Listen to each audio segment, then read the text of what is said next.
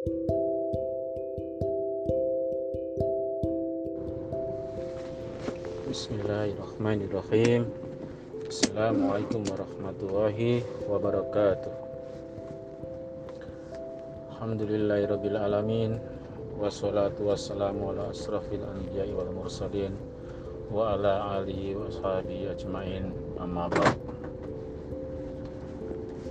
Alhamdulillah para pendengar siaran Madrasah Ekoliterasi yang dirahmati Allah kita sudah memasuki 10 hari kedua di bulan yang penuh berkah dan penuh refleksi di dalam relasi kita dengan Allah Subhanahu wa taala, dengan manusia dan juga dengan alam semesta. Pada kesempatan yang baik ini saya ingin membawakan satu tema kuliah Madrasah Ekoliterasi yang saya berikan judul menjadi warga bumi yang baik.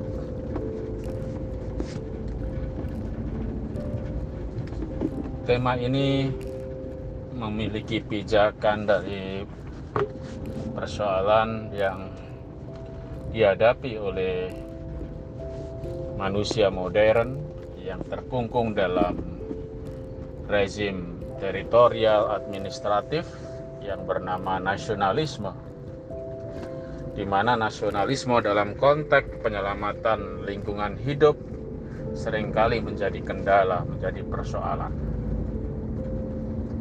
Sehingga wajar kalau ada kesepakatan-kesepakatan global sering sekali tidak memadai untuk dijadikan alat penghukum atau menjadi alat untuk memberikan sanksi bagi negara-negara yang melakukan lebih banyak perusakan terhadap bagian dari planet bumi.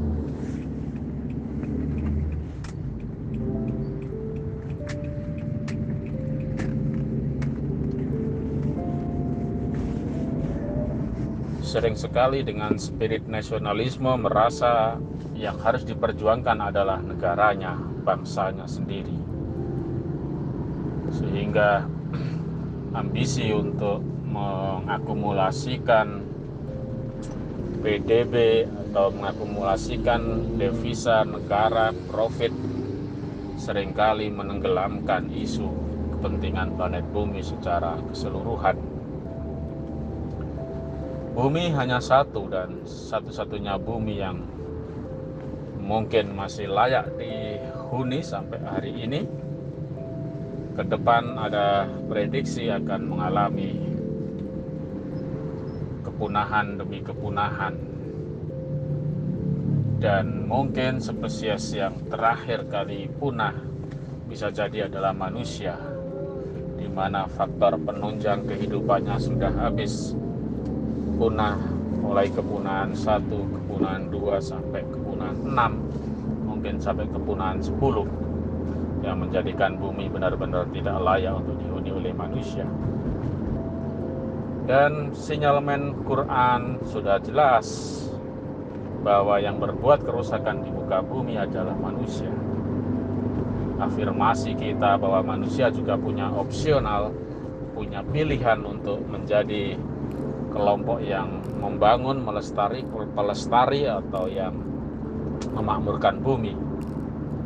Tetapi kelompok pemakmur bumi barangkali jumlahnya lebih banyak tetapi tidak mampu mengendalikan jumlah kelompok serakah yang lebih cepat dan secara radikal melakukan perusakan dalam gegap gempita, eksploitasi tambang, eksploitasi sumber-sumber kesejahteraan di hutan, di laut, di gunung-gunung pangkas habis untuk memenuhi nafsu keserakahan itu.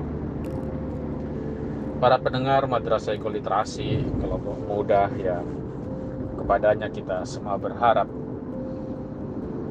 bahwa isu kewarganegaraan bumi adalah isu tentang keadilan antar generasi, keadilan universal, di mana sejatinya semua penghuni bumi di hadapan Allah Subhanahu wa taala adalah sama. sama kedudukannya sebagai makhluk yang membedakan barangkali adalah tingkat ketakwaannya dan tingkat ketakwaan itu bisa diukur seberapa serius kita bersungguh-sungguh menjadi bagian dari kelompok yang menyelamatkan bumi, menjaga keseimbangan ekosistem, dan mencegah perbuatan-perbuatan zolim dan aniaya terhadap keberkahan yang ada di bumi, sumber-sumber keberkahan yang ada di planet yang kita diami sampai hari ini. Ada beberapa alasan mengapa kewargaan bumi itu menjadi penting. Yang pertama, nalar kekhalifahan yang ada di dalam Al-Quran sudah jelas bahwa manusia adalah pemimpin di bumi. Pemimpin dalam artian diberi amanah atau menerima amanah dari Allah Subhanahu wa taala untuk bersedia memakmurkan dan mencegah pertumpahan darah yang disebabkan oleh upaya-upaya tangan manusia yang merusak lingkungan hidup. Allah tidak menyebutkan di dalam Al-Quran bahwa manusia adalah pemimpin Amerika, manusia ditakdirkan untuk memimpin Indonesia. Tidak ya. Tapi ada nilai universalisme yang sangat jelas bahwa bumi adalah satu kesatuan. Rusaknya belahan bumi satu mempengaruhi belahan bumi yang lain. Rusaknya ekosistem diversitas di belahan bumi yang lain bisa mengakibatkan bencana bagi tempat-tempat lain di muka bumi. Taruhlah contoh kasus pandemi COVID yang dimulai dari Wuhan, dari virus yang dibawa kelelawar yang disebabkan oleh perilaku manusia yang merusak habitat alami kelelawar, bahkan mengkonsumsi kelelawar itu. Hal itu adalah satu temuan saintifik yang sangat kuat telah dibuktikan dan bencana yang disebut dengan bencana alam bernama pandemi itu menular dari manusia ke manusia yang terhubung satu sama lain di berbagai belahan bumi, di berbagai negara, di berbagai area. Itu menunjukkan bahwa bumi yang satu ini adalah connected, bumi yang satu ini adalah bumi yang terhubung satu sama lain. Sehingga kesadaran kewargaan bumi itu adalah kesadaran yang menuntut kesadaran yang otentik bahwa menjaga bumi yang kita pijak berarti menjaga bumi seluruh isinya. Penghancuran terhadap salah satu sudut di bumi sama dengan penghancuran terhadap seluruh bagian bumi. Dengan kesadaran kekhalifahan yang demikian itu, maka bisa diharapkan bahwa upaya-upaya menjaga keseimbangan dan keselamatan menjadi rahmat bagi semesta alam merupakan satu keniscayaan terlebih di hari-hari ini di mana pemanasan global sudah mengalami tahap uh, alarm ya tahap warning di mana perubahan iklim sudah semakin nyata di mana ancaman-ancaman terhadap pangan juga semakin dekat dengan kita semua. Kewargaan bumi juga menuntut poin kedua yaitu kerjasama global civil society di mana kesadaran aktor-aktor non negara seluruh jagat bumi ini dapat memproteksi masyarakat, memproteksi alam dan mencegah negara-negara melakukan kekerasan terhadap alam, melakukan upaya-upaya pembangunan yang merusak, membuat kebijakan-kebijakan yang pincang dan tidak adil terhadap iklim, tidak adil terhadap pangan, tidak adil terhadap manusia dan terhadap makhluk-makhluk yang ada di permukaan bumi. Salah satu kesadaran itu sebetulnya sudah disemai sejak lama dari kerjasama lintas sektor lintas NGO yang muncul dari berbagai macam forum internasional dari kelompok-kelompok civil society yang difasilitasi oleh PBB misalnya, ada COP forum, ada dorongan-dorongan dari masyarakat sipil untuk menegakkan protokol Kyoto, menegakkan keputusan-keputusan global civil Islamic Civil Society yang pernah dilakukan di Turki jika tidak salah.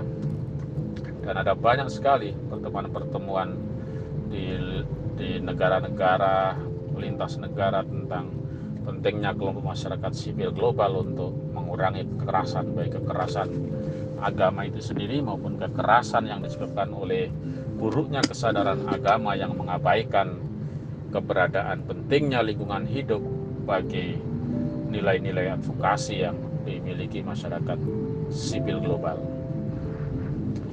Yang ketiga, paradigma kewargaan bumi juga menuntut kesadaran lintas iman, lintas agama.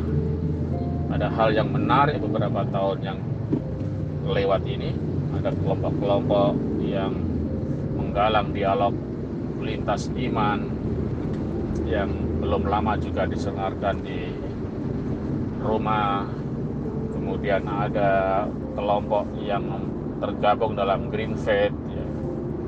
kemudian muncul kelompok-kelompok kecil berbasis komunitas yang bernuansa agama hijau untuk mengupayakan penggunaan energi terbarukan dan menghentikan penambahan izin-izin terbaru untuk eksploitasi sumber sumber energi berbasis fosil full atau berbasis fosil yang itu memiliki jejak karbon yang besar dan mengeluarkan emisi yang dapat mempercepat atau mengakselerasi fenomena uh, apa uh, climate change dan pemanasan global.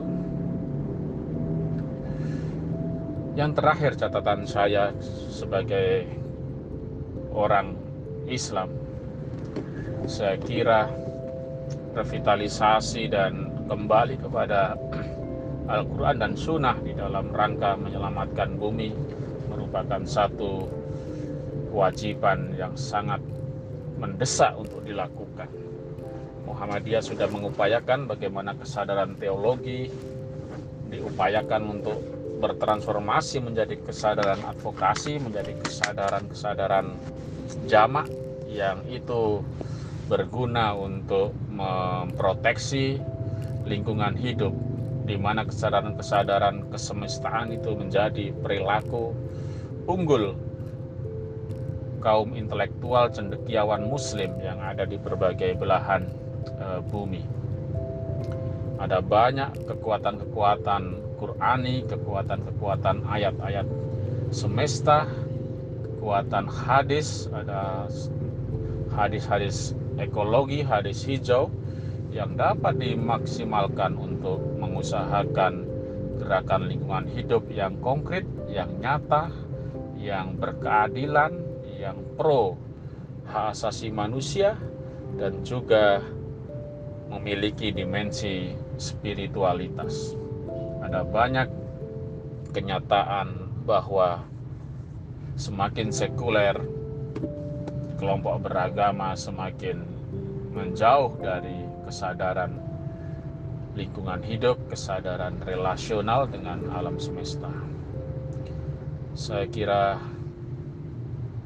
untuk menutup kita perlu mengutip ayat Al-Qur'an tentang kesadaran kita untuk mengadvokasi lingkungan hidup yaitu dalam surat Ar-Rum ya, yang berbunyi tu'al fasadu fil bahri wal bahri bima kasabat ayat ayatin nas.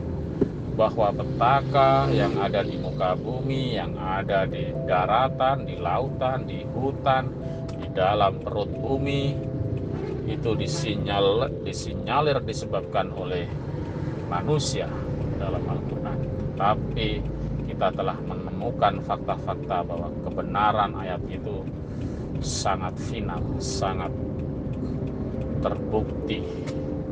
Sehingga yang kita bisa lakukan juga adalah kembali ke Al-Quran dan Sunnah untuk kembali mengembalikan arah keagamaan, keberagamaan, kesadaran, keimanan kita untuk beriman yang benar, yaitu berangkat pada tingkah, pada tiga relasi yang adil. Relasi dengan Allah untuk mencerminkan kita harus berhubungan dengan baik dengan ciptaannya yaitu hablum minan nas dan hablum minal alam. Saya kira itu adalah penutup dari madrasah ekoliterasi hari ini. Mudah-mudahan mengandung maslahat yang benar datang dari Allah dan yang salah semata-mata adalah dari saya pribadi demikian mudah-mudahan semua sehat dan bergembira di dalam dakwah lingkungan hidup yang kita jalani. Akhirul kalam nun wal qalami wa masturun. Wassalamualaikum warahmatullahi wabarakatuh.